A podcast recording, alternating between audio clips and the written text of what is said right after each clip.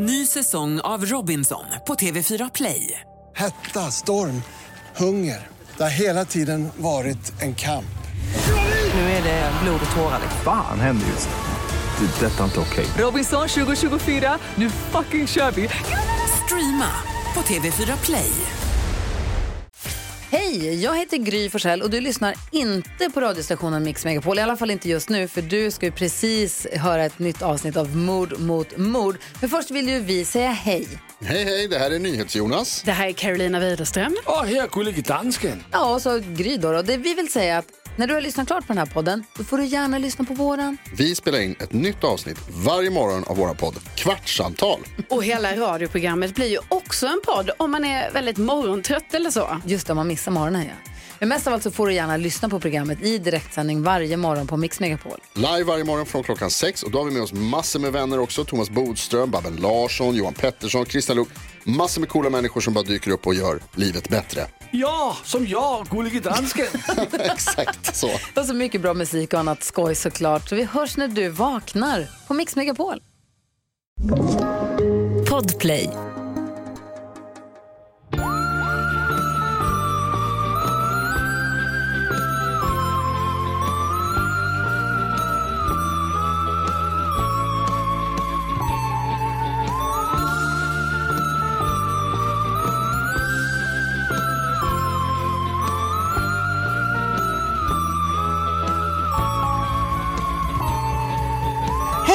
Välkomna till Mord mot mord säger vi det även den här veckan. Det gör vi verkligen även den här veckan. Hur mår du Anna? Jag mår bara fint. Hur mår du Karin? Ja, men jag mår bra tack. Det var, mysigt, att det var mysigt att se dig. Ja, det var länge sedan vi facetimade. Exakt, vi har bara eh, haft varit, varit ansiktslösa röster. Exakt. Men nu- Vilket typ passar mig egentligen just nu för att jag är i ett sånt fult eh, mode. För jag tycker du ser fin ut. Tack. Jag sa det men, innan när, eh, du, när vi, innan när jag pratade med både dig och Sigrid. Ja. Att ni såg väldigt friska ut båda två. Ja men eh, tack. Men det kanske bidrar med att jag har en sån norskaktig stickad tröja på mig. Att Det gör det absolut. Mitt, mitt favoritfolk i Skandinavien. Du har så många. Norrmännen. Du har två. Jag vet, jag har, jag har alla förutom svenskar. Känns inte som att du är så förtjust i finnar heller. Ja, Men alltså jo, Sverige, svenskar och finnar tror jag kommer liksom på samma plats. Just det, jag just det. gillar finnar att de känns så, det känns så rakt på något vis. Ja, jag är väldigt sugen på att åka till Helsingfors. Och rakt och ändå trevligare än danskarna ska jag säga. Tror du det? Ja. Okej, bra. Alltså jag älskar danskar men de är fan inte kända för att vara trevliga eller? Vad är de inte det? Ja men alltså både och, men de är ju ganska tuffa. Jag tänker också yrkesmässigt är det väldigt så här hierarkiskt så. Ah, jag fattar, de är lite mer som så Centraleuropa kanske. På det sättet. Mm, jag vet inte, jag kan Nej, ingenting jag om Centraleuropa. Men typ så här till exempel så fick jag lära mig när, vi, när jag hade ett projekt då i, i Holland. Att eh, de är väldigt mycket mer raka och hierarkiska än vad vi är. Tänker att finnar är lite mer som det. Nej, Det känns otippat, tycker jag. Danskar. Vi måste sluta med det här rasbiologiska institutet som vi driver. Ras, alltså en kulturella institutet kanske. Ja. Ja. Eh, nej men, eh, vad sa vi innan dess? Jo, min norska tröja. Tack, jag ser frisk ut. Du ser frisk ut också. Tillbaka till min norska tröja. Eh, Exakt. Som faktiskt är en spansk tröja, för den är från Sara. fucking Sara Sådär. alltså. Eh, har du... eh, Vänta nu haft la du mig bra- mot din barm. Nu kommer jag vet. ut igen. Nu är jag tillbaka. Tack. Eh, har du haft en bra vecka? Eh, ja, tycker jag väl. Jag tycker det, Härligt att höra. Det funkar. Det är underbart att höra. Nej, hur har du det? Jag har haft en bra vecka tycker jag också. Det har ju idag varit, eh, igår, eller fredags igår och idag så har det varit plusgrader för första gången på väldigt länge. Hur har det känts för dig? Ja, men bra. Jag gick av mig alltså ut och var tvungen och gick en promenad med vagnen och var alltså tvungen att klä av mig längs vägen. För att jag, du vet när man blir så här, jag hade klätt på mig som att det var 13 minus. Just det. Men så var det 5 plusgrader. I mitt huvud så gick det liksom ett så Hans och Greta spår av dina kläder runt Kungsholmen. Det var precis det som hände. Jag kom hem i bara skor och eh, trosor. Till och med bhn rykte.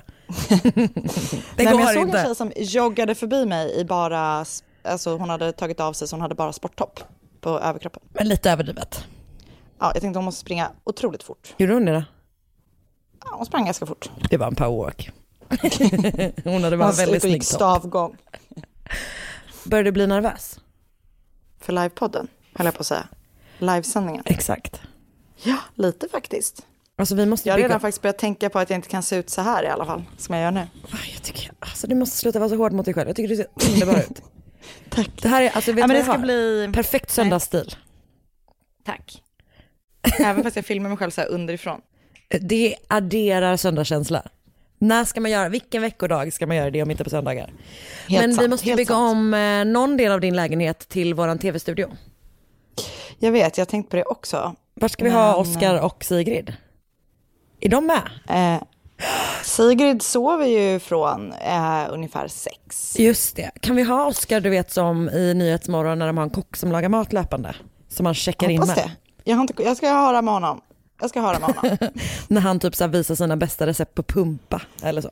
men, men vi är väl eh, i vår klassiska hedliga soffa eller? Jag Det är tänker det. vår tv-studio. Ja. Jag tänker att den kommer kunna se väldigt snygg ut som tv-studio. Hoppas det. Vi, synd att vi inte har en kameraman här. Ja, ja verkligen. Men, men, men du fattar då hur lätt det är för oss att gå över till köket. Alltså det kommer vara att vi får ta med oss datorn och gå över till köket uppenbarligen. För jag bor så litet. Sluta nu, du bor större än jag. Nej men precis. Ja, ja, vi har ju kök och vardagsrum i ett ja. Så Ja, det är ju väldigt bra. Det är bara att vända, vända datorn. Ja, nej men precis. Det är väldigt bra.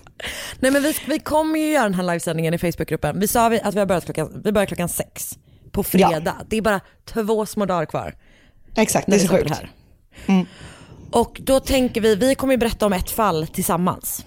Precis, det ska bli mysigt. Det kommer bli så mysigt. Och, Och eh, sen så jag tänker att vi kanske kommer snacksa lite, för det tycker jag typ att man får göra när det är en livepodd. verkligen. Livesändning. Det kan vi sen klippa bort ur poddversionen av det. Så att vi Det vill, jag. ja, men jag tycker typ nästan, ska vi inte uppmana folk att också Att ha, snacksa med oss. Ja, att snacksa med oss. Absolut. Precis. Kan vi inte börja, kan vi inte någon börja en tråd där vi tipsar varandra om våra bästa snacks i Facebookgruppen? Det är, en, Alltså på riktigt. det är en av mina bästa trådar jag någonsin har hört om. Det kan bli ett monster, men det kan bli jättebra. Jag vet, fast det kommer bli ett gott monster i sådana fall. Jag vill inte ha några bananer, jag vill inte ha någon burktonfisk, jag vill inte ha någon burkmajs. Det är inte Man vanligt. Ja, för sig, bananer kan nog ingå i ett snack. Att någon är så här, mitt förslag på snack är bananasplit. Eller mitt förslag på snack är chokladfondue, Dröm i och för sig. mm, men inte med banan. Du vill, Mitt, mitt snack är hajkbanan. fy fan vad gott. Så äckligt. Alltså kommer du göra slut med mig om jag kommer hem till dig med liksom Med färdigpreppad i Eh, folie, redo. Ja. Eh, Oskar, sätter du på ugnen? Så har du suttit lite på den, eller den har blivit lite mosad under, under någonting i väskan. Åh nej. Då blir, alltså inte nog med att det inte blir en livesändning, det blir ingen mer podd. Det, blir, det, blir, det, här, det här kanske är det sista ni hör av mord. Sorgligt. Eh, jag, jag, ehm, jag kommer acceptera att du vill äta banan, men inte i mitt hem. Rimligt, jag förstår dig. Eh, jag är också emot burktonfisk och Alltså, Alltså- det är så äckligt. jag har inget emot burkmajs, jag vill inte se det som snacks. Jag gillar burkmajs om man steker det. Ja. Eh, Kan även rekommendera Eller typ stuva det. ja, det, det funkar. Ja. Men inte så, för jag känner ofta att folk sprinklar burkmajs över en sallad för att få lite färg. Typ. Vad föredrar du att man du? sprinklar? Inget. Jag vill, ha, jag vill ha salladsblad, tomat, gurka, kanske lite avokado i en sallad. Ingenting annat. Men Anna, det finns Alltså ju okej, andra- jag överdriver. Men jag menar en sån här sallad, du vet. Tänk dig den här salladen. Det här är salladen som jag tänker på. Ja. Hackad isbergssallad. Ja, nej, nej. Liten hackad gurka. Ja. Liten hackad tomat. Majs. Liten hackad rödlök. Alltså allt det förutom majs skulle jag ju verkligen säga är min uppväxtsallad. Ja, vi har aldrig ätit isbergssallad hemma. Jag tycker det är så ointressant sallad. Jag vet men det var det som fanns i Partille. Alltså jag åt liksom en annan sallad första gången jag var kanske 22. Nej skojar bara. Ja, men egentligen borde det passa mig, för jag tycker inte om när det smakar för mycket, typ rucola. Senapskål. Senap. Häromdagen så köpte vi pizza från Menomale, som är min Sponsrad. favoritpizza. I wish, alltså I wish det var det. Jag hade velat ha det varje dag. Ehm, men då så äter jag ju alltid eh, margarita Ja. Eh, och ibland så har jag kokt skinka på. Och då You kom Oscar crazy och sa, girl. Ja, men Oscar sa, han bara, jag, jag beställde så att det var rucola på din pizza. Ehm, Okej, Varför varför gjorde du det? Spice, spice up your life eller vad är det som... Eh, Det var som att det var, han var min pappa och ville att jag skulle äta mer grönsaker. Men tji fick han när jag plockade bort all rucola. Och la den på hans som hem. Jag gjorde det. Han, han tyckte det var toppen. Det är gott. Men också att Margarita Ja, men det blir är lite ju... för mycket. Alltså det är ju faktiskt typ den godaste pizzan, så är det ju. Vilken pizza åt du igår? Jag vet ju att du åt pizza igår. Margarita med eh, extra kronärtskocka på. Gott. Ja, det var svingott. Vet du vad Anna? Oh, mums, nej. Någon gång i Det vårt kanske liv, blir pizza. någon gång i vårt liv, då ska vi åka till Napoli. Ja, alltså om vi ska. Du och jag, så mycket pizza. Alltså, grejen är, Oskar, eh, Oskar ringde när han var på ICA och handlade idag. Vi Sponsor. hade, I wish igen. Men vi beställer ju hem mat varje vecka. Men nu så ekade vårt kylskåp tomt, tomt, tomt. Så då knatade Oskar iväg för att handla. Och så ringde han och sa, jag har ingen inspiration, vad ska vi äta ikväll? Och då föreslog jag tacos. Nej. Då föreslog jag pizza. Nej. Men det åt då ni igår? jag hamburgare. Nej, vi åt inte pizza igår. Jag tror du sa att ni åt från min och Malle. Ja, förra helgen. Ja, förra helgen. Ja, gud, ja, då så. Igår åt vi min andra favoriträtt, spagetti och köttfärssås. så han bara så här, han bara, Anna nu har du föreslagit alla rätter som alla barn bara vill äta hela tiden. Men det är för att det är min favoritmat. Men också, Oskar gillar också barnmat. Ja, fast hans förslag, för hans förslag var torsk med potatis. Det är det vuxnaste jag någonsin hört. Ja, ja, jag kan berätta att jag blev glad igår när jag satte på tvn. Och, eller har vi pratat färdigt om livesändningen? Ja, ja, jag vet inte vad vi ska säga mer.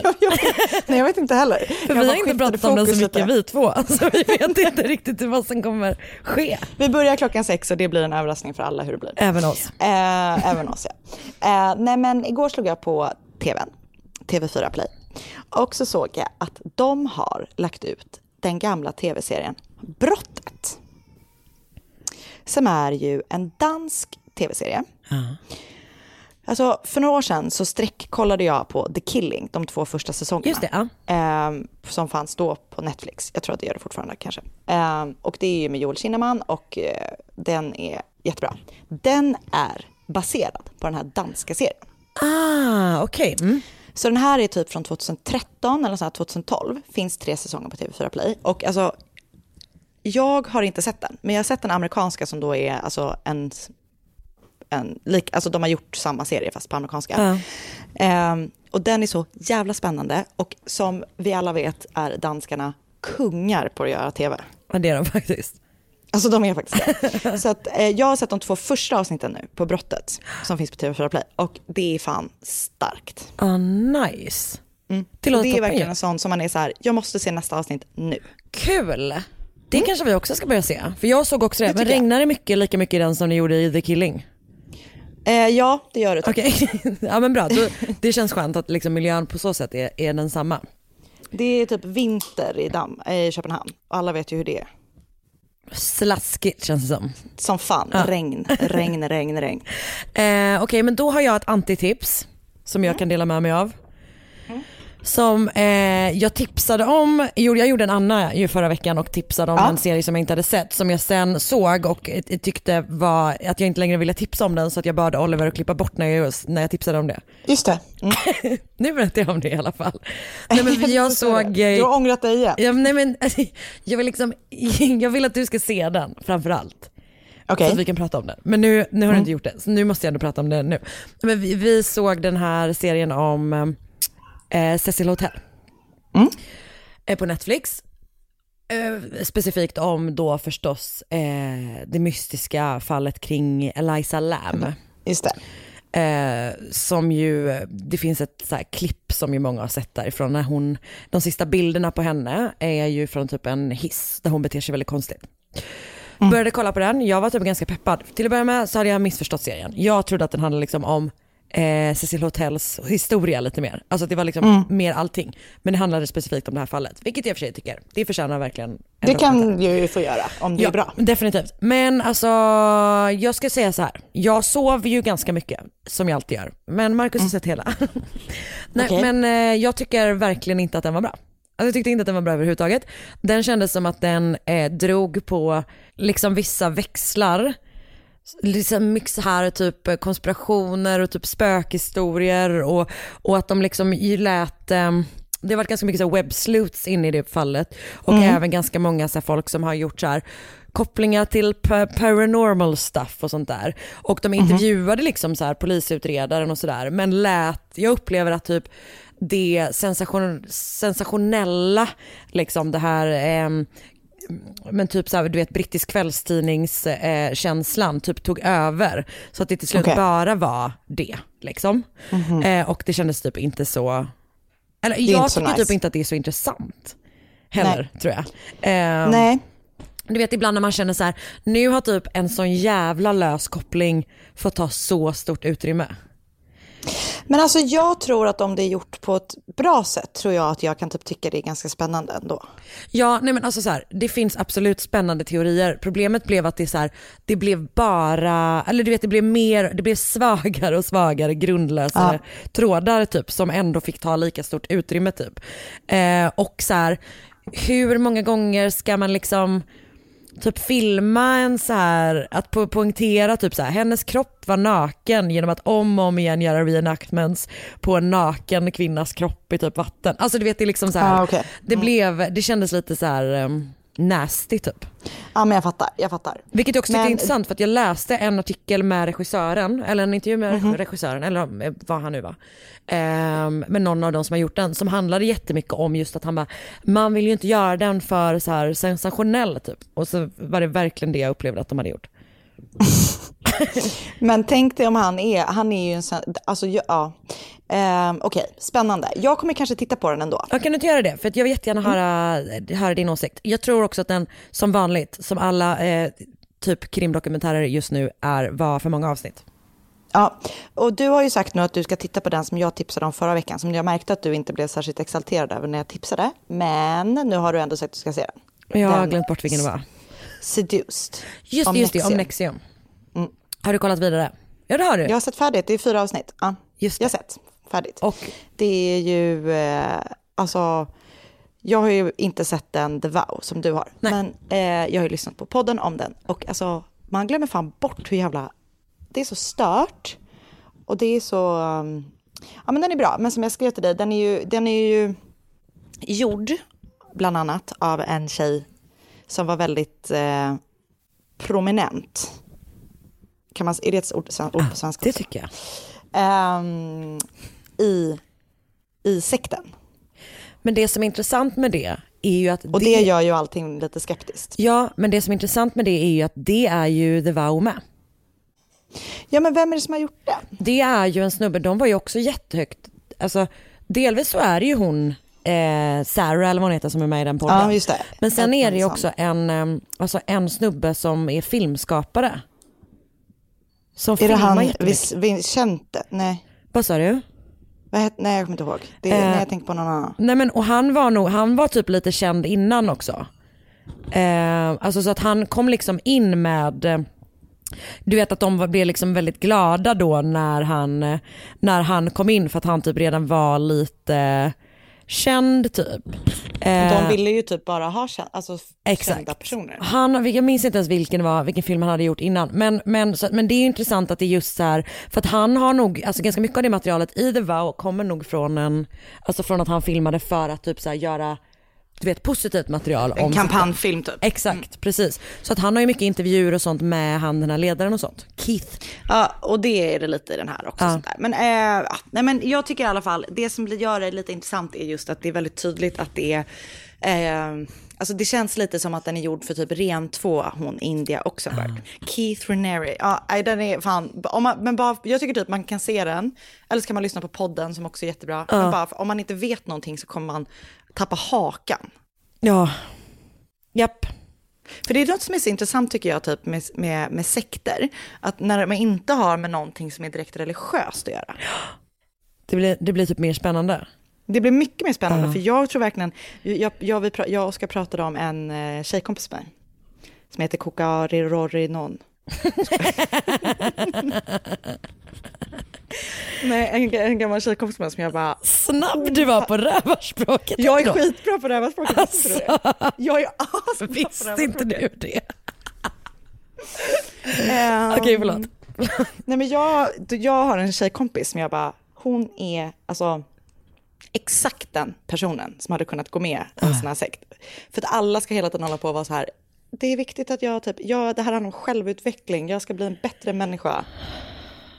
Okej, nog om det här. Okej, jag Men behöver folk inte måste tjata om verkligen- Nexium i varenda avsnitt, Ja, men, det är jag, spännande. Jag fattar verkligen vad du... Jo, det här är stora Nexium-podden. Vet du vad, om alla kan ha 8000 Palme-poddar som pågår år efter år, då kan vi prata om Nexium en stund. Okej, Nej men jag håller helt med för att den, den bygger på typ sån, det känns mer som en sån multi, multi-level marketing situation än liksom någonting spirituellt och det är fan spännande och konstigt och också typ på ett sätt, alltså det är väl bara så supertalande om att typ vår tids moderna sekt bygger på det istället för typ så här, ja du fattar. Gud. Ja. Gud. Ny säsong av Robinson på TV4 Play. Hetta, storm, hunger. Det har hela tiden varit en kamp. Nu är det blod och tårar. liksom. Fan händer just nu. Det. är Detta är inte okej. Robinson 2024, nu fucking kör vi! Streama på TV4 Play. Ett poddtips från Podplay. I fallen jag aldrig glömmer djupdyker Hasse Aro i arbetet bakom några av Sveriges mest uppseendeväckande brottsutredningar. Går vi in med hemlig telefonavlyssning och, och då upplever vi att vi får en total förändring av hans beteende. Vad är det som händer nu? Vem är det som läcker? Och så säger han att jag är kriminell, jag har varit kriminell i hela mitt liv men att mörda ett barn, där går min gräns. Nya säsongen av Fallen jag aldrig glömmer på Podplay.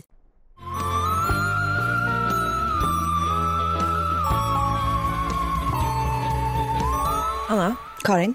Du vet ju att jag har ju en favorit liksom sajt när det kommer till svenska fall. Jajamän, Vet, vet du det? jag vet det.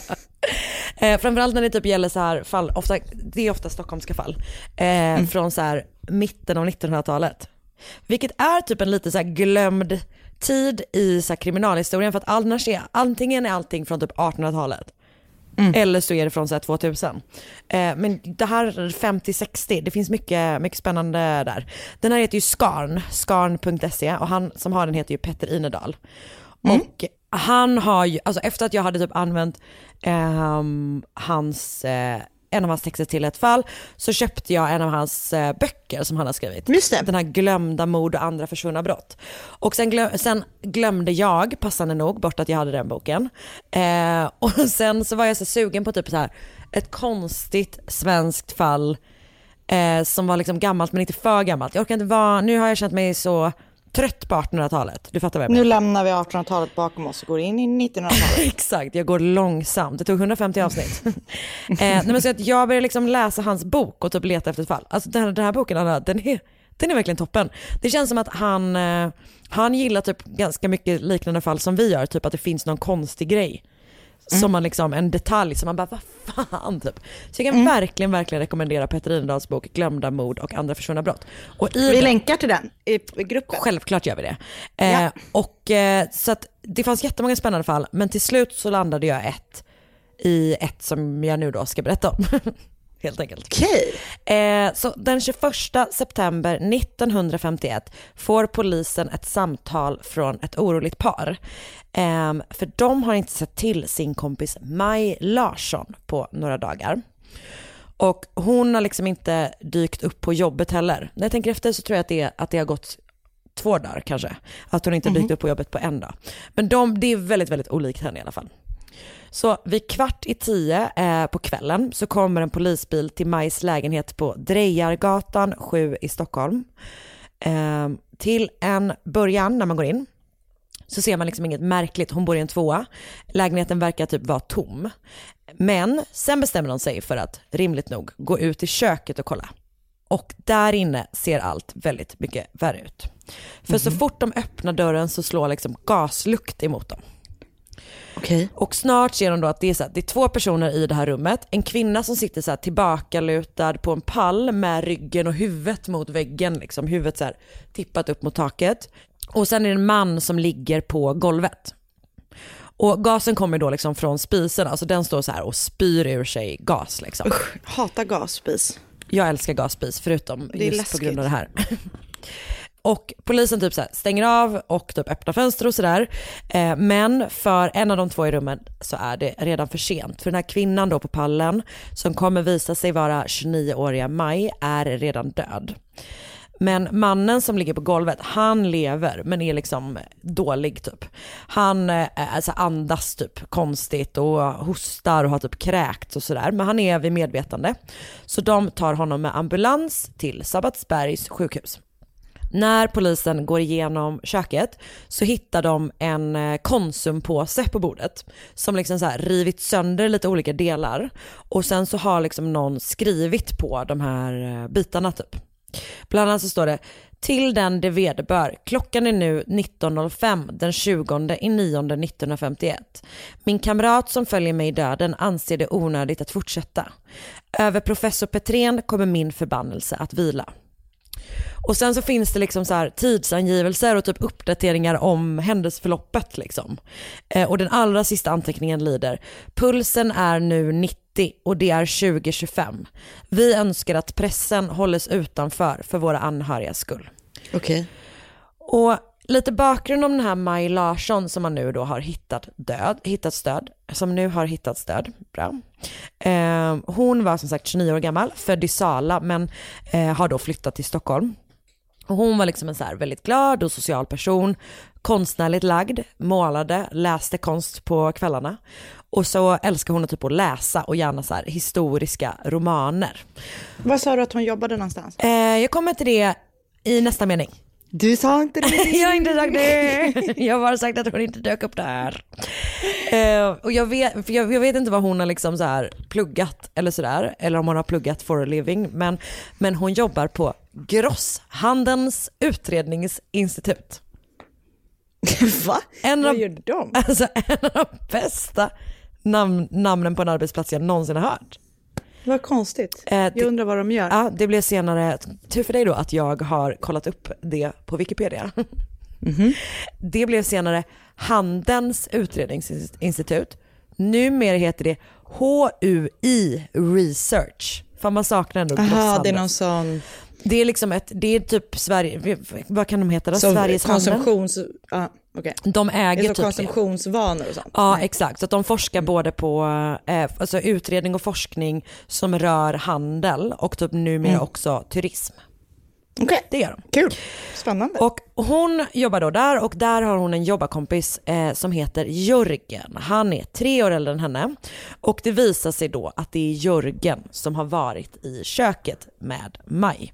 Eh, och när han liksom undersöks så visar det sig att han har inte alls varit så nära att liksom gå samma väg som Maj.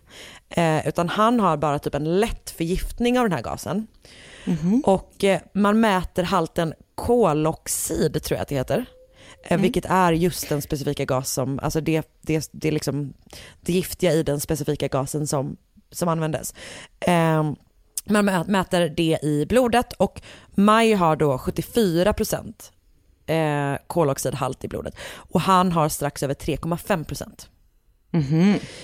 Och detta då trots att han menar att de tillsammans bestämt sig för att begå självmord. Han har typ kastat sig ner på golvet när han hörde att polisen kom. Alltså gasen stiger ju så det är ju inte så konstigt att hon har högre halt på grund av det.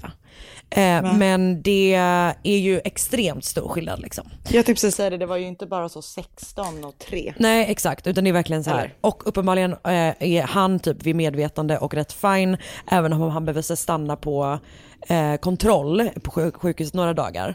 Vilket typ känns som att alla behöver fick göra det vid den tiden. Var liksom, Inte som nu när man blir hemskickad en timme efter man har fått barn. Exakt, men det var bara för att de såg att du var så stark. Skojar, förlåt. ja, Okej. ja. Nog om mig. Nog om mig. Nog om Grosshandels utredningsinstitut. Vår nya merch. Innan vi liksom letar fram deras gamla logga. I wish. Okej. ehm, Det är min nya saying för allt. I wish. wish. Gör det verkligen det? Eh, Okej, så att de förhör då Jörgen förstås för att liksom ta reda på vad som, han, vad som kan ha hänt. Han är typ ganska återhållsam med information men han berättar då att han och Maj har bestämt sig för att tillsammans avsluta sina liv eftersom de anser att de inte har någon mening att leva, någonting att leva för liksom.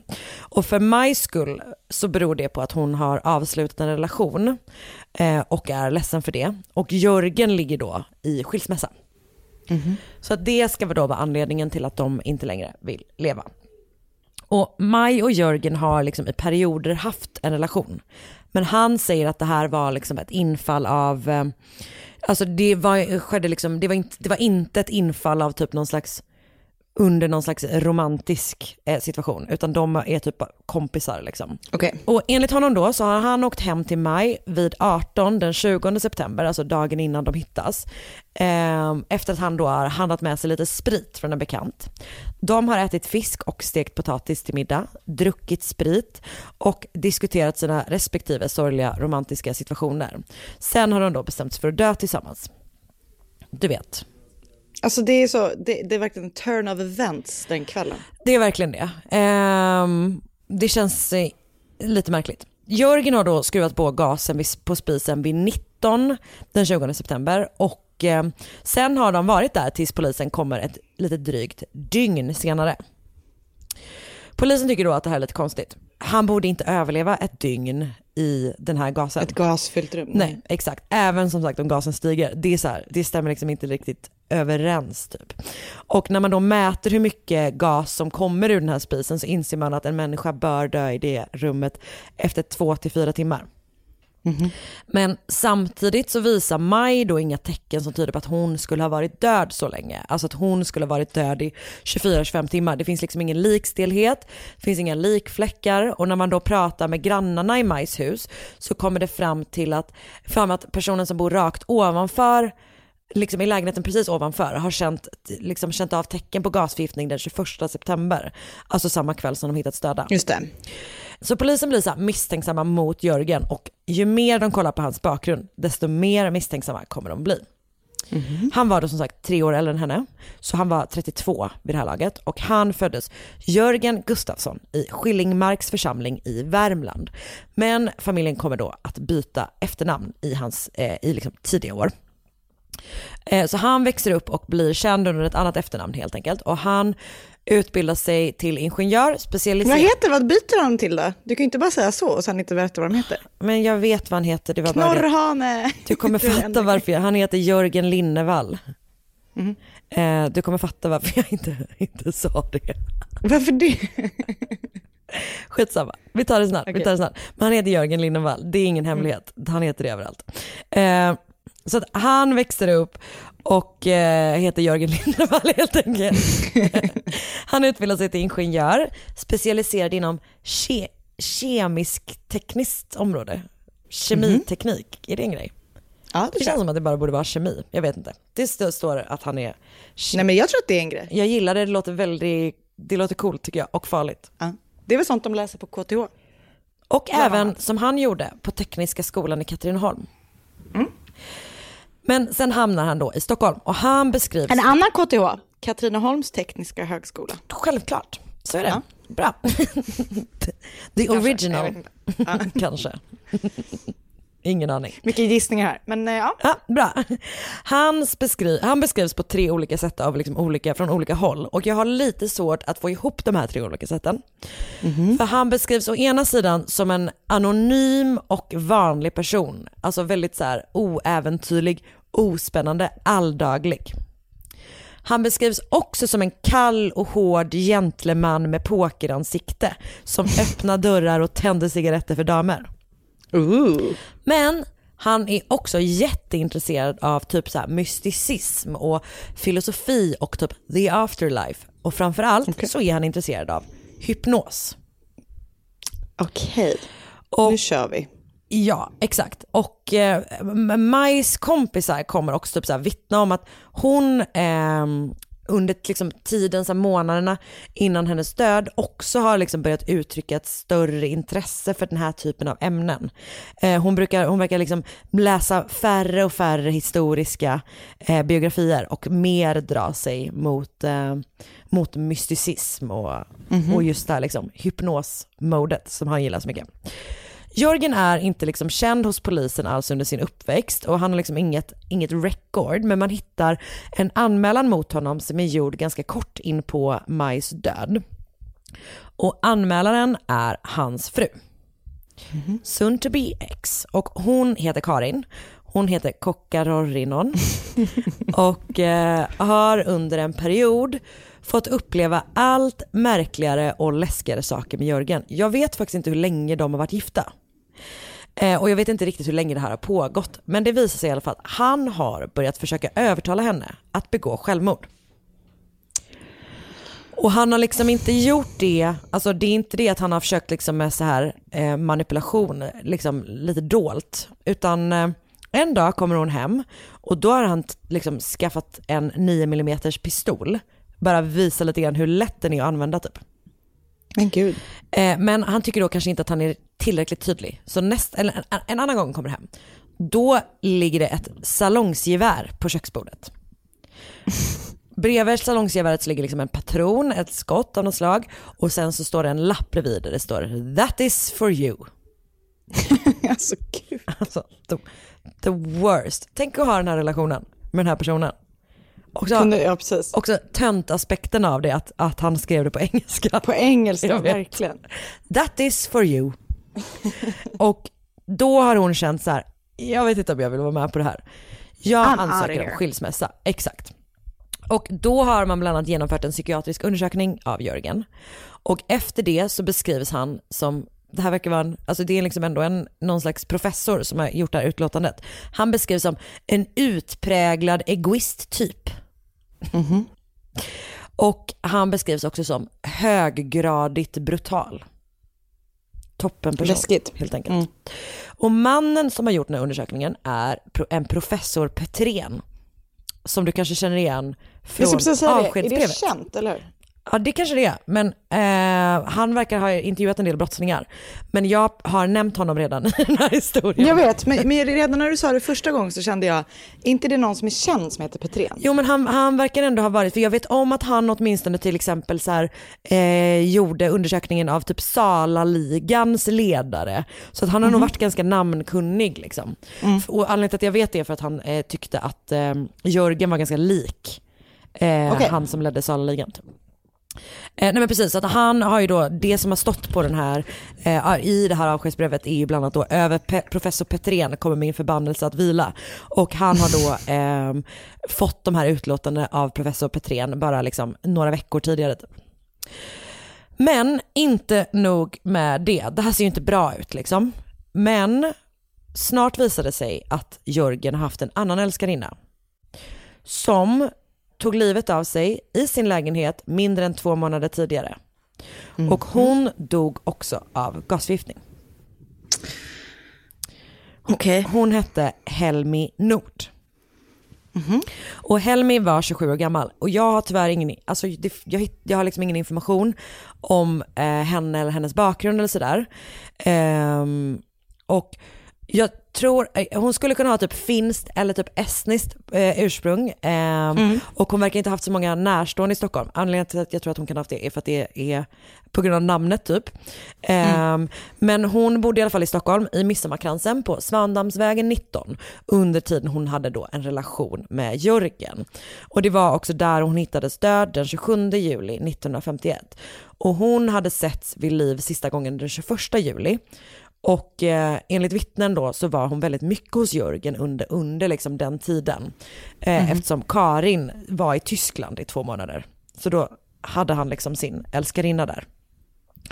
Och Härligt. det var liksom väldigt mycket som var konstigt med det här självmordet. Helmi hittades i sin säng som inte var i då samma rum som köket. Så att gaskranarna var på i köket men hon hittades död av gasförgiftning i ett annat rum, i sin säng. Och det var också så här, alla dörrar var öppna. Alltså det, det liksom borde ha krävts enorma mängder gas för att, så här, för att hon skulle, hon skulle avliva, avlida av det helt enkelt. Och det finns inget självmordsbrev och när man frågar runt efter så här, vittnen bland hennes grannar så berättar en att han har hört en man och en kvinna så här, gräla i Helmis lägenhet. Och polisen tycker att Jörgen beter sig väldigt märkligt i samband med att han då får reda på att han, den här kvinnan som han har haft en relation med eh, är död. För han verkar typ inte vara ledsen alls och han frågar om han kan få fota sängen där hon hittades. Gud vad flummigt. Ehm, och eh, han har då inte heller, alltså de har umgåtts jätteintensivt fram till den 21 men han har under de dagarna efter det inte försökt kontakta henne en enda gång. Idag är det den 21.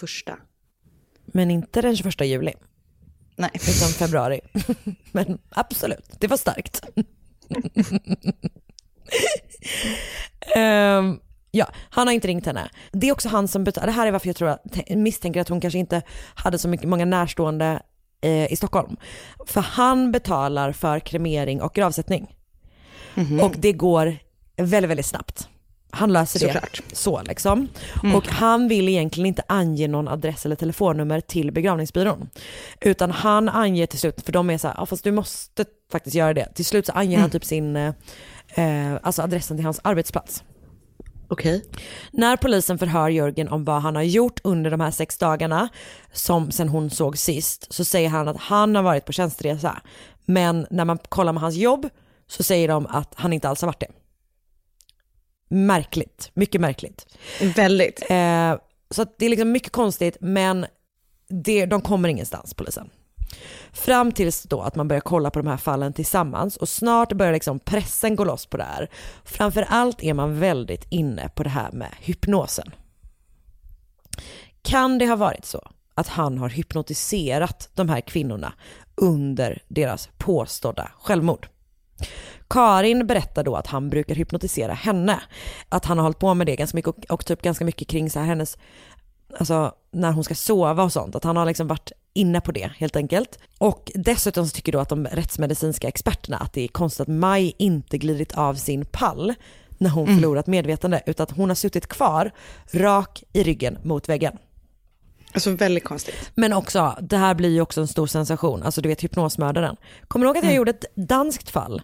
Ja. Där det var hypnos. Det var också 51 i januari. Ah, Så jag tänk- kanske var så stor grej då? Ja men jag tänker att det kanske också, nu, jag tror att den domen tog skitlång tid innan den kom. Men att det kanske ändå var liksom att de sa ja det har ju hänt innan, kolla på de galna Mm. danskarna typ. Galna och galna. Galna, galna, hypnotiserade. Eh, I fallet rörande Helmi och Majs död och Jörgens då eventuella skuld, eventuella, eh, bestämmer sig åklagaren att det finns eh, bättre möjligheter att få en fällande dom, dom om man bara går på Majs fall. För att där finns det fler liksom bevis eller fler typ indicier om, om eh, att det är något lurt på gång liksom. Så att man riktar bara in sig på det helt enkelt och de har ju då en samling indicier att jobba med. Men tror de att allting med hans självmord var en bluff bara? Liksom, att han skulle få det att framstå som att han var oskyldig på det sättet? Ja, ja men exakt precis. Att han har ju liksom, de har ju dött av gasförgiftning båda två. Men han verkar ju ha gjort det liksom, alltså han verkar ju ha placerat sig själv där. Du vet, kort inpå. Ja exakt, Ja. ja. men jag menar det. Och det är för, förmodligen för att han då ska framstå som oskyldig. Exakt. Så här, vi ska, ja. mm. Ja men precis så. Ehm, att Men han planerade hela tiden att överleva, antar jag. Ja, absolut. Det tror jag definitivt. För att annars hade han ju liksom joinat henne så som han påstod helt enkelt. Så att det är mycket, många, det är ju många saker som inte stämmer. En liten roundup här då är ju att Maj, man menar att Maj måste ha dött ett dygn senare än vad han har påstått. Och jag fattar inte riktigt varför han Varför han säger det om tiderna, det är ju konstigt. Exakt, men jag funderar på om det är för att han ska få det att framstå som en slump att han har överlevt. Mm. Förstår du vad jag menar liksom? Eh, Men uppenbarligen har ju det här, på, någonting har ju hänt det här dygnet för hon har ju inte gått till, gått till eh, jobbet liksom. Nej. Så har han då haft henne typ kidnappad fången där liksom. Mm. Eh, och då finns ju också, det, det går ju pressen också igång på jättemycket. Har han under det dygnet då ägnat sig åt hypnos liksom? Så att nå, det är ju, skit har ju hänt under det här dygnet, man vet bara liksom inte vad. Ehm, men man, det är också så att det finns vittnen som har sett Jörgen köra bil under eftermiddagen då han själv påstått att han liksom legat utslagen av gasförgiftning. Så eftermiddagen den 21 liksom. Han bara, jag gjorde det under hypnos. Ja, men han påstår ju bara så här, han bara, nej men jag har legat där hela tiden. Liksom. Han bara förnekar det vittnesmålet och vittnen är ju, alltså vi vet ju att det också kan vara fel. Liksom. Han kommer också att ändra sin historia, eh, för att mycket handlar ju då om huruvida han har fått henne, alltså det blir ju ett mord liksom, men, men vad, hur hans ansvar i det här har sett ut sådär. Och han säger då till en början att det är han som öppnar gaskranarna. Det är han liksom så här superklar med och det får då stor betydelse. Eh, så att han börjar med att säga så här, eh, jag, kan, jag kanske gjorde det, till att typ så här, till slut så är det så här, han bara, jag har inget minne om vem det var. För att han Nej. inser väl liksom att, så här, eller hans advokat eller whatever, att det, liksom, det hänger jättemycket på det uttalandet. Typ.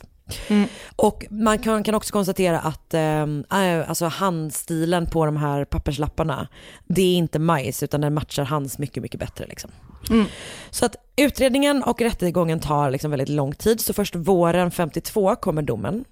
Och rätten anser då att man inte har lyckats hitta några bindande bevis och därför frias Jörgen från alla misstankar. Så sjukt. Så att det enda som händer är att man rekommenderar honom att söka psykiatrisk vård eftersom han då har försökt begå självmord. Och efter det här så byter han efternamn igen och sen så bor han i Stockholm till 1970 då han flyttar till Jukkasjärvi. Och där dör Jörgen tre år senare, 1973. Det finns, Vad sjukt. Ja, visst är det ett konstigt fall? Mm. Och det finns väldigt eh, få källor. Det är också det som är Peter Rindahls grej lite grann, att han typ lyfter upp fall som man inte kan läsa om någon annanstans. Så det är en mycket kort, finns en mycket kort fla- flashback-tråd eh, där det finns lite info om från så här dödsboken, du vet när man liksom kan läsa det. olika folk som har fött, fötts och dött och sådär. Eh, och sen är det då hans bok. Eh, den finns på skarn.se, den här texten. Jag länkar till den också i Facebookgruppen förstås. Men eh, jag länkar också till en Bokus-länk till, eh, eller Adlibris eller whatever. Till, eh, Sponsrad! Sponsrad! till då glömda brott. För där eh, finns också fler texter som man kan läsa vidare. Eh, och sen lite olika Spännande. random Wikipedia-sidor förstås. Till exempel om Handelsinstitutet. Exakt, det var typ TBH, typ den enda. eh, gud vad spännande, tack snälla. Tack ska du ha. Låt oss bli hypnotiserade oftare. Alltså, jag är typ lite person. intresserad. Jag vill jättegärna bli det. Har du blivit det någon gång? Nej, men nej, nej, nej, men jag, alltså, jag vill. Och jag vill ju verkligen, en sak vi ska plocka upp när corona är över är att vi ska bli spådda. Ja, jag längtar så mycket. Ja, alltså för jag har tänkt så mycket på det eh, det här året, att jag vill verkligen, verkligen bli det. Japp, japp. Alltså, Eller, det men det var någon året, som men- hörde men- av sig. Som kunde spå oss. Jag vet, men och det, ja, jag vet inte, det känns också lite läskigt. Jag kanske bara vill hitta någon som inte vet, vet. Fast de vet ju såklart jättemycket om mig, för de, de kommer ju spå mig. Eller de kommer i alla fall veta. Okej, det ska vi göra sen. De vet ju jättemycket. För de är ju... Men de är ju eh, clairvoyanta. Men det som gör mig lite orolig, jag vill verkligen ha en, eh, alltså jag vill ha rätt setting. Ja, Förstår du jag vad jag vet. menar? Jag vill inte att det ska vara, jag vill att det ska kännas liksom, alltså jag vill helst typ att det ska vara så här en kula som svävar. Alltså jag vill, jag, Ja, du vill att det ska vara som så Professor Trelawney? Alltså jag vill inte att det ska bli du vet den här personen som typ kommer till Hanna och Amandas kontor en gång om året och spår dem. Jag vill att det ska kännas alltså eh, mystiskt Okej, as men då fuck. har vi kanske lite olika premisser. För jag vill att det ska kännas mer som en läkarmottagning. Ja nej det vill jag inte. mottagning. Nej, Okej, då får vi prata om det här på kammaren lite. Okej men nu ska jag i vi alla fall gå på göra mitt fall. håll. Sandra, Nej, det ska vi rapportera. inte göra. Nej, Nej, vi, får, vi får göra både och i så fall. Okej nu, är det ditt, nu ska du prata om ett fall. Ny säsong av Robinson på TV4 Play. Hetta, storm, hunger. Det har hela tiden varit en kamp. Nu är det blod och tårar. liksom. Fan händer just nu. Det. är Detta är inte okej. Robinson 2024, nu fucking kör vi! Streama på TV4 Play. Ett poddtips från Podplay. I podden Något Kaiko garanterar östgötarna Brutti och jag, Davva, dig en stor dos skratt. Där följer jag pladask för köttätandet igen. Man är lite som en jävla vampyr. Man har fått lite blodsmak och då måste man ha mer. Udda spaningar, fängslande anekdoter och en och annan arg rant. Jag måste ha mitt kaffe på morgonen för annars är jag ingen trevlig människa. Då är du ingen trevlig människa, punkt. Något Kaiko, hör du på Podplay. Därför är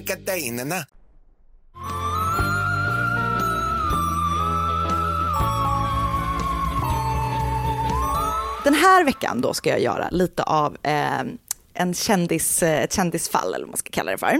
Eh, det är eh, ett olöst fall som figurerar på ett gäng olika listor och sånt. Okej. Mm. Så den 6 augusti 1984 håller två eh, byggarbetare på att jobba på en sån här construction site i Santa Ana, på Santa Ana Canyon Road i Anaheim i Orange County i Kalifornien i USA. De håller på, alltså, de håller på att förbereda marken, eller jag vet inte vad de gör för någonting, när de stöter på ben. Benen visar sig tillhöra en hund. Så först så andas de ut och bara, vad skönt att det bara var det vi hade stött på. Men när de fortsätter gräva lite så hittar de någonting mer under hundbenen. De hittar då ben tillhörande en människa och med benen så hittar de en klocka som har stannat på 12.30 am den 28 maj och två ringar. Okej. Med hjälp av klockan och av ringarna så kunde man först ana vem det var, det var ganska tydligt vem det var. Och två veckor efter att benen har hittats så bekräftades det genom tandkort att benen tillhörde Dorothy Jane Scott som hade försvunnit fyra år tidigare. Okej. Okej, så låt mig berätta om Dorothy och hennes försvinnande. Så året är 1980 och vi befinner oss i Stranton i Orange County. Den 32 år gamla Dorothy är ensamstående mamma och hon har en fyraårig son som heter Sean. Dorothy och Sean bor med hennes moster i Stranton och hennes föräldrar bor 20 minuter bort i Anaheim. Seans pappa är då som sagt inte med i bilden och bor heller inte i närheten av dem. Hon är så beskrivs som en jättegullig mamma och god vän och du vet väldigt sådär äh, hederlig person typ. Hon får mycket hjälp av sina föräldrar eftersom hon är ensamstående och har typ ett heltidsjobb och allt sånt. Och dagis och sånt fungerar ju inte som i Sverige. Så hon eh, är, bor hos sin eh, moster och föräldrarna, hon hjälper henne jättemycket och föräldrarna är liksom väldigt engagerade i äh, eh, Sean då. Hon är, eh, hon är ju då ensamstående mamma, hon har heller inte en, någon partner utan är liksom ja, ganska ensam verkar det som. Hon beskrivs som en väldigt lugn person och hon har av vänner eh, och bekanta beskrivits som ganska tråkig. Och en av hennes vänner beskrev henne som duller than a phone book. Vilket är typ... Förlåt, efter den- hennes försvinnande? ja. Okej, det tror inte jag var hennes vän. Alltså, Nej, friends alltså det är like väl... those. Alltså, nej men det är väl typ en... Alltså jag, jag vet inte. Men, men, men jag tror typ att den... Ja, nej jag vet, det är typ det taskigaste jag har hört. Jag, jag har ingenting att säga som försvar. Jag vet inte varför jag skulle börja försvara den personen. Det var jättetaskigt sagt. För att det var du. Jag skulle aldrig säga så. Nej. Förutom om Coca-Rory någon. Hej. Jag skojar, du är den Jag roligaste jag, förstår känner. rövarspråket. Eh, jag skojar, det var så, jag sa det bara för att det är så uppenbart intressant. Du är den Tack. roligaste jag känner. Helt rätt. Eh, bra, jag fortsätter. Taskigt, taskig beskrivning, väldigt taskig beskrivning. Ja. Hon verkar som sagt vara ganska ensam och då, det är eh, fittiga personer runt omkring henne som säger sådana dumma saker efter att hon har försvunnit. Fruktansvärt. Hon arbetar i en butik som heter Swinger Psych Shop som tidigare har ägts av hennes pappa och de säljer så kallade psykedeliska varor. Eh, vilket är då typ lavalampor, coola t-shirts. Jag trodde det var eh, något typ. annat. Nej, fast det hänger ihop med eh, en butik som säljer typ bongar och rissla och du vet sådana saker. Och jag vet inte eh, om de säljer också det, de sakerna som de sakerna. Lite eh, under disk. Precis. Eh, jag vet inte. Det är inte officiellt i alla fall. Men man kan ju tänka sig kanske att man kan få både det ena och det andra. Alltså man kan bli, åtminstone bli pekad i rätt riktning. Det tror jag. Här har du din lavalampa och sen går du dit. Exakt. Hon arbetar, som jag förstår det, inte eh, ute i butiken, utan hon sköter typ så här eh, administrativa saker liksom, bakom på kontoret och typ fixar i lagret och beställningar och sånt. Som, allt sånt som sköts typ behind the scenes. Eh, hon själv verkar liksom inte vara intresserad av, eh, det som de säljer, utan eh, hon är typ eh, a good Christian. Och eh, hon dricker inte och, och äh, brukar inte droger och så här. Hon tillbringar mycket tid i kyrkan. Så när hon eh, skulle jobba då, kliva på sitt pass, så lämnar hon Sean hos sina föräldrar då, som bor i närheten av butiken. Den 28 maj 1980 var alla som arbetade på Swingers Psych Shop och kanske även den här liksom anknytande butiken där de sålde eh, shit, kallade på ett möte efter stängningstid. Så Dorothy åker förbi sina föräldrar på kvällen och lämnar av Sean innan hon fortsätter vidare till jobbet.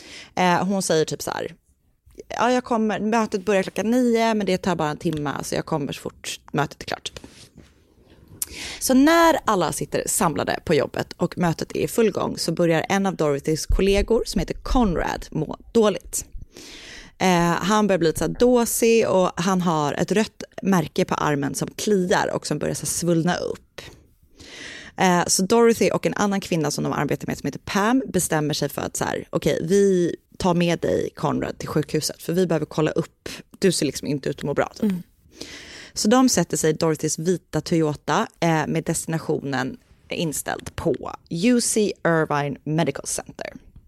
Men eh, på vägen till sjukhuset så stannar de till hos Dorothys föräldrar för hon vill berätta för dem att så här, jag kommer inte hem klockan tio och mm. hämtar Sean utan jag måste ta med min kollega till sjukhuset. Eh, när hon är där så byter hon sin svarta sjal som hon har på sig till en röd sjal och sen så kör de vidare. Väl framme på sjukan så får de vänta ett tag i gästrummet, höll jag på att säga, i väntrummet, väntrummet eh, innan Conrad till slut får komma in till doktorn. Det visar sig då att han har blivit biten av en svart änka. Oh! Alltså så läskigt. Nej! Eh, jo, och det är ju då för de som inte vet en jättegiftig spindel. Men som för jag var också inne på lite olika Wikipedia-sidor, bland annat Wikipedia-sidan om svarta änkan. Ja. Eh, den är tydligen, ett bett från en svart änka är inte dödligt för en frisk människa, men eh, man kan liksom då bli sjuk. Typ. Ah. I alla fall, hur som helst, väldigt obehagligt att bli biten av en spindel. Uh, det är så äckligt. Också, är inte de väldigt stora? Jag tror det. Men jag tror typ också, eller jag vet, eller här borde jag ju då veta eftersom jag var inne på dens, dens, dens Wikipedia-sida. Uh, men jag tror att det är typ så att det är inte de största spindlarna som är giftigast, utan det är de små som är det. Ah, jag fattar, jag bara Alltså- oroar mig för typ livet han lever när han inte ens märker att han blir biten av en svart. Han har varit inne i grannbutiken lite för ofta. Men alltså när jag var i Australien, där, där lurar det ju eh, både det ena och det andra Mm. djuret kan man ju säga. Mm. Då hade vi, hade vi checkat in på ett hostel, så skulle vi så packa om väskorna, så jag låg i sängen och min kompis Charlotte höll på att packa om sin väska, vilket hon gjorde på varje stopp, så jävla jobbigt. Um, Varför då? Ja, men hon var väl lite så här, ordning och reda. Jag hade ingen ordning och reda, jag hade typ sandkorn i hela resväskan.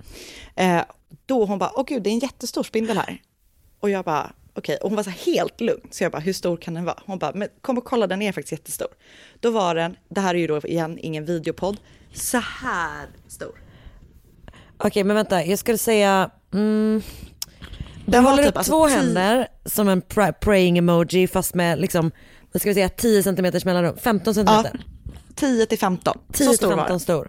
Och liksom så rund. Ja, det var så äckligt. Bara ytterligare en anledning att jag aldrig vill åka till Australien. Jag vill åka dit, häng med. Jag vill inte. Jag vill åka dit när jag inte är fattig student. Jag vill inte åka dit.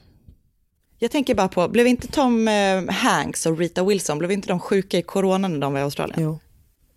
För- Varför tänker du, vad tänker du kring det? Nej, ingenting. Det är bara den senaste relationen jag har till eh, Australien som är väldigt distant. Det är senaste gången du var där kan man säga. Exakt. Eh, Okej, så när han då har fått sin diagnos, eller vad man säger, så ska de hämta ut eh, medicin för det, någonstans på sjukhuset, eller vet, så apota- apoteksavdelningen på sjukhuset. Eh, men så är det lite kö dit, så Dorothy typ säger så, hon bara, men jag går och kör fram bilen så slipper du gå så långt. Så, um, så ställer sig Pam och Conrad i kö och hon går ut. När Pam och Conrad har fått ut medicinerna så står de och väntar på Dorothy, men det tar skitlång tid för henne liksom att komma tillbaka. Så de typ går ut på parkeringen istället för att möta upp henne. Och då får de syn på hennes vita Toyota. Så de typ bara så här, ah, här är vi typ. Och då ser de hur den sätter på alltså, starkaste helljuslamporna och alltså bara rusa, alltså köra i jättehög fart ut från parkeringen. Äh, Och de försöker vinka åt henne och vara typ, hallå, här är vi, vad gör du för någonting? Eh, men hon bara, liksom, bilen bara försvinner. Och med tanke på att fulljusen, eller helljusen var på liksom, så starkt, så kunde de inte se Dorothy genom rutan när bilen försvann. Får jag fråga, typ hur lång tid har gått? Vet vi det? Alltså jag tror typ så en halvtimme eller någonting. Oh, vad läskigt. Mm, skitläskigt. Så de blir så här helt förvirrade och bara, det var så olikt henne att bara dra, men så är de typ, kan det ha hänt någonting med hennes son?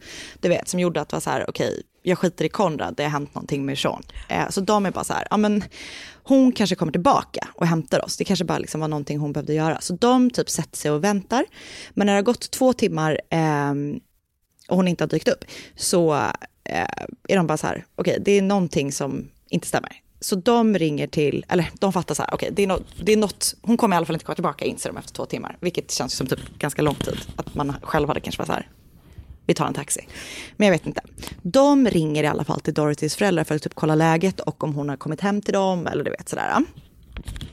Då säger föräldrarna att det har de ju såklart inte.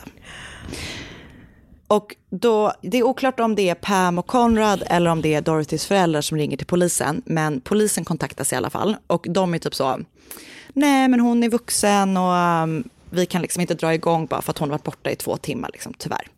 Och då, klockan var typ 11 när hon sågs, bilen sågs eh, rusa ut från sjukhuset. För sättet det hände, alltså Nej, det är så okej, konstigt. okej att hon typ hade bråttom hem för att typ, även om det hade varit någonting med hennes son hade hon ju typ kunnat veva ner rutan och bara, hörni Jag jag, måste dra och ta min, hämta min son. Eller typ hoppa in så kör jag er dit. Exakt. Alltså, ja, Men typ det är rusa, väldigt konstigt. rusa ut från parkeringen med helljusen på. Mm. Eh, oh, Okej, usch. Men polisen är i alla fall så, så här, vi vet inte om hon har försvunnit av fri vilja, tyvärr kan vi inte göra någonting.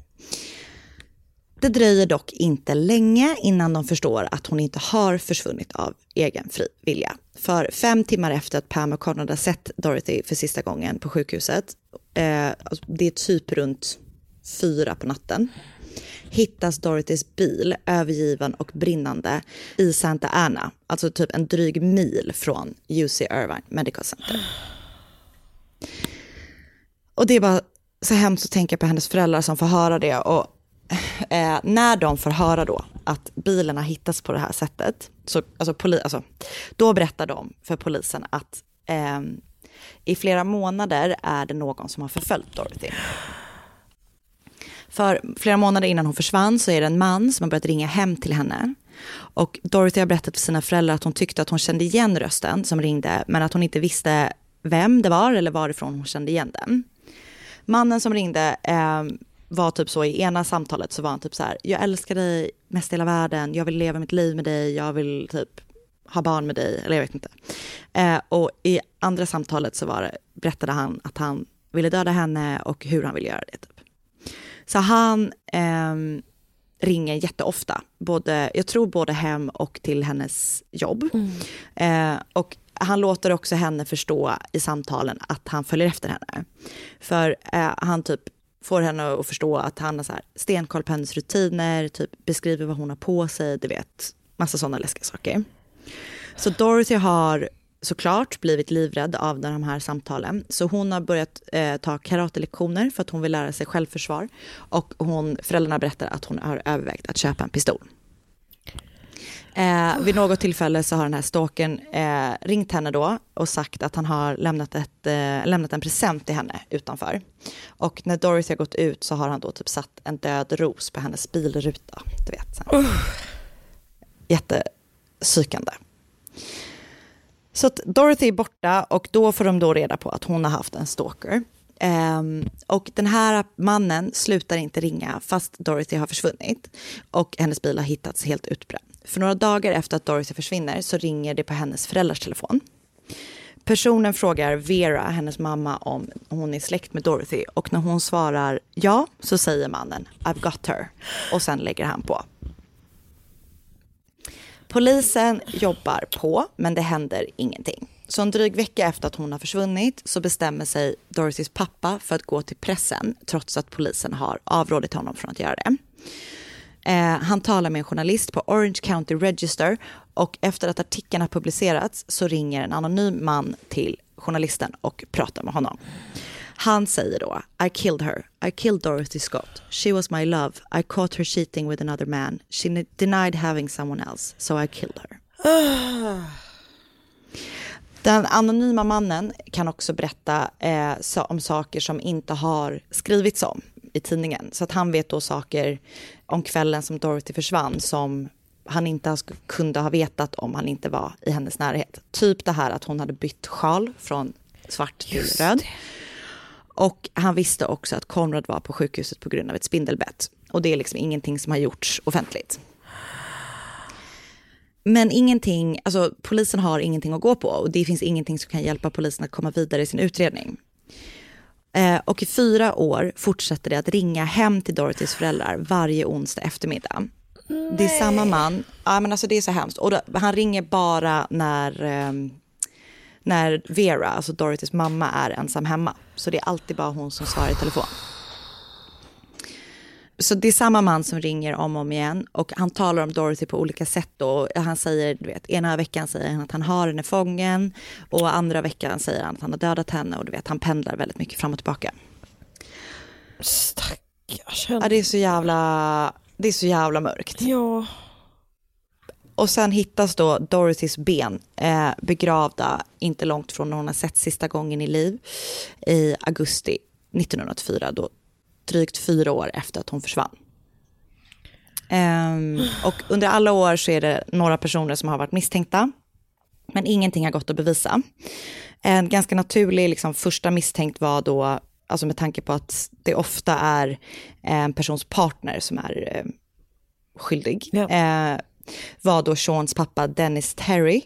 Eh, men han hade ett vattentätt eh, alibi att han befann sig i Missouri samma kväll som Dorothy försvann. Så han uteslöts eh, snabbt eh, som misstänkt.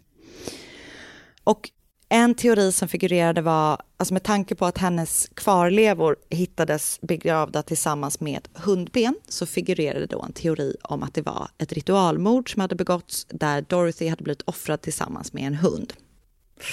Finns dock ingenting som, annat Nej. som tyder på att så skulle vara fallet. Det, jag tänker att det är mer troligt att, för det tycker jag man har läst om att folk begraver en kropp, eller har jag, har jag Nej, hittat alltså på? framförallt så är det ju typ en så här, det känns som en sån fånig typ så här, eh, du vet meme-grej typ. Alltså nästan så här bara, om du skulle döda någon så begrav någon, och- du vet Ja, begrav ett djur Men jag ovanpå tror- för då kommer, alltså så här, Men jag tror typ att det är sant. Ja ja, nej men alltså det är det säkert, jag har bara aldrig hört om ett fall där det har skett Nej, och det innan. kanske inte är så, jag vet inte. Och det var någon annan som var så här, eller så är det typ mördarens hund har dött samtidigt. Och, alltså du vet, man vet Ja. ingenting helt enkelt. Men det känns som en lång shot med ritualmord på grund av att en hund var begraven Nej. ovanpå. Ja. Men folk vill alltid, Men- folk är så snabba på ett ritualmord.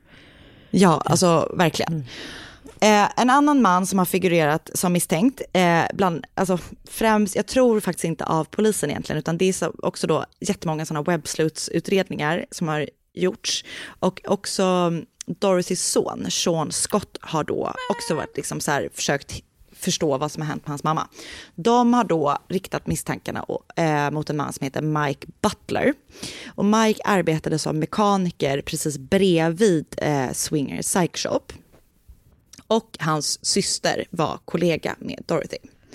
Han verkar vara typ lite så här knepig generellt, alltså lite så troubled guy. Eh, men han ska också då ha varit intresserad av det ockulta. Eh, och då menas det att han skulle typ haft möjlighet att komma nära Dorothy och typ se hennes rutiner, både eftersom han liksom jobbade henne, nära henne rent fysiskt, men också för att hans syrra då var kollega sådär. Mm. Och då att han då var eh, ockult på något vis. Polisen har aldrig liksom pekat ut honom som en riktig misstänkt. Och han avled 2014. Men jag bara putting it out there för att det liksom stod i, på Reddit och Ja, det är en lite olika bloggar och sånt. Ja. Polisen är däremot säkra på att det är den här personen som har ringt som är skyldig till mordet på Dorothy. Eh, men man har aldrig kunnat hitta vem han var. Polisen hade teorier om att mordet på Dorothy på något vis hängde samman med försvinnandet av en 25-årig kvinna vid namn Patricia Schneider som skedde 1982. Hon försvann i Pedley, som också ligger i Kalifornien, när hon var på väg hem från jobbet. Även Hennes bil, som också var en Toyota, hittades brinnande i närheten av där hon hade sett sista gången. Mm. Hennes kropp eh, återfanns aldrig, men polisen tyckte typ ändå se likheter mellan de här två olycksfallen. Så lite olika men ganska tomma teorier i mitt tycke då har figurerat eh, under alla dessa år. Men Mm. än idag så är det ingen som vet vem som kidnappade och mördade Dorothy Scott. Det känns så fruktansvärt just det här att, eller just när det är en sån kontaktsökande mördare så tycker Mm. man ju typ att alltså, den personen borde liksom Bara säg vem du up. är. Ja. Ja, eller bara så här, råka, råka ge ledtrådar som gör att man typ kan lösa det. Ja, som, eh, som eh, eh, BTK som skickade disketter. Ja, exakt. Alltså någon, just för att så här, kontakt typ och kommunikation är typ, alltså gör ju en, en liksom gärningsperson, eh, alltså det, att det blir så mycket lättare att få fast någon liksom. Mm. Stackars deras, hennes mamma. Ja, så jävla sorgligt. Och de föräldrarna avled i början på 2000-talet, Ja. tror jag, eller om det var 2010-talet. Så de eh, ja, har ju hela sitt liv liksom levt bara med funderingarna av vad som kan ha hänt deras dotter. Men slutade personen, eller slutade han ringa när hon hittades? Ja, efter att hon hade hittats. Så han ringde en sista gång, typ veckan efter han hade hittats. Och sen så ringde han aldrig igen. Men den, den sista gången han ringde så sa han typ också, alltså jag kommer inte ihåg exakt vad han sa, men han ringde en gång till efter de hade hittat hennes ben och sen så var det tyst. Men och på, liksom. pratade han då just om att hon hade hittats eller var det som ett vanligt Nej, samtal? det var som ett vanligt samtal. Stackars.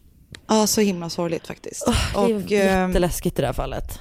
Ja, det är väldigt sorgligt. Och jag har läst eh, ett gäng olika blogginlägg om Dorothys försvinnande eh, som heter eh, The Unsolved Abduction and Murder of Dorothy Jane Scott av Craig Berry på True Crime Articles. Unsolved Murder of Dorothy Jane Scott av Brenda Thornlow på medium.com. Calls from a Killer av Emily Thompson, Thompson på mor morbidology.com som också finns som poddavsnitt. Eh, Telephone Games av Paul Haynes som vi ju känner till från Michelle McNamaras eh, Just eh, det bok som finns på truecrimediary.com. Såklart Wikipedia, både om Svarta änkan men också om Dorothy Jane Scott. Jag har lyssnat på podden Unsolved Murders del 1 och 2 eh, och de är då avsnitt 76 och 77. De är ganska fåniga för det är typ lite så teater men det var ändå väldigt eh, effektivt. Och så till sist har jag läst en blogg, ett blogginlägg på talkmurderwithme.com som heter The Unsolved Murder of Dorothy Jane Scott. Väldigt bra jobbat och berättat om ett jätte, jättesorgligt fall. Tack Karin. Och du med. Tack. Ehm, vet du om förresten att, ehm, att eh, uns- Unsolved Mysteries, alltså klassiska, Mm. ehm, klassiska programmet som ju funnits hur länge som helst, som ju Mm. Netflix blev rebootade härom sistens, Mm. nu också blir en podd. Nej, det visste jag inte. Eh, jag undrar om det är, det, det, jag undrar om det är en, en Wondery-podd eller om det inte är det. det. Jag såg bara att jag fick upp en, en, en push i något annat flöde, något annat poddflöde, eh, om att det hade kommit en trailer för det. Ah, vad Så nice. det verkar vara, verkar vara på gång om man är ute efter lite unsolved weirdness. Alltså jag pendlar ju mellan att eh, vilja lyssna, läsa, göra sådana fall med att vara så här, ah, men då löste jag inte det här fallet heller. Men snart tror jag att du får ditt, ditt liksom breakthrough. Tack, tack. Ehm, Tack för den här ja, veckan. Tack för den här veckan. Vi ses, på, vi ses i övermorgon. Gud, mysigt! Jag ska alltså på mig, jag ska, jag ska, gå, jag ska göra en håruppsättning, jag ska ha balhandskar. Alltså jag kommer ju ha tiara. Okej, du la nivån där. Jag med. Eh, men okej, inför det, gör en tråd där ni tipsar om era bästa snacks. En tråd, jag vill inte ha massa så olika inlägg. En tråd. Okej. Sen så sträng när det kommer till snacks. Man får inte äta vad man vill, man får inte tipsa om vad man vill och man måste göra det en tråd annars blir jag jävligt arg. Jag kommer acceptera, men det var det smidigaste om det fanns en tråd. Jag håller verkligen med. Jag tycker det var föredömligt sagt av dig.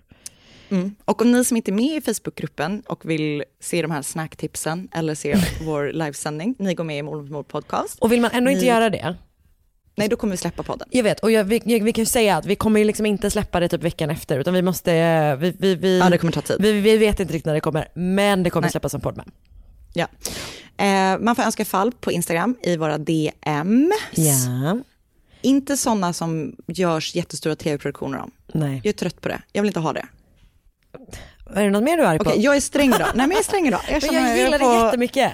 Ja, jag, är, jag, tänk, jag är hård men rättvis. Jag håller helt med. Inte heller sådana vi redan har gjort. Nej, precis. Kolla, ni kan faktiskt göra en snabb googling om vi har gjort det. Ehm, Men vi blir Ja. jätteglada när ni önskar väl. ja, det blir vi. Ja, underbart. Eh, Men okej. vi hörs. Men då är vi väl klara. Då! Hej då! Ny säsong av Robinson på TV4 Play. Hetta, storm, hunger. Det har hela tiden varit en kamp. Nu är det blod och tårar. Fan händer just nu. Det. är Detta är inte okej. Robinson 2024, nu fucking kör vi! Streama på TV4 Play.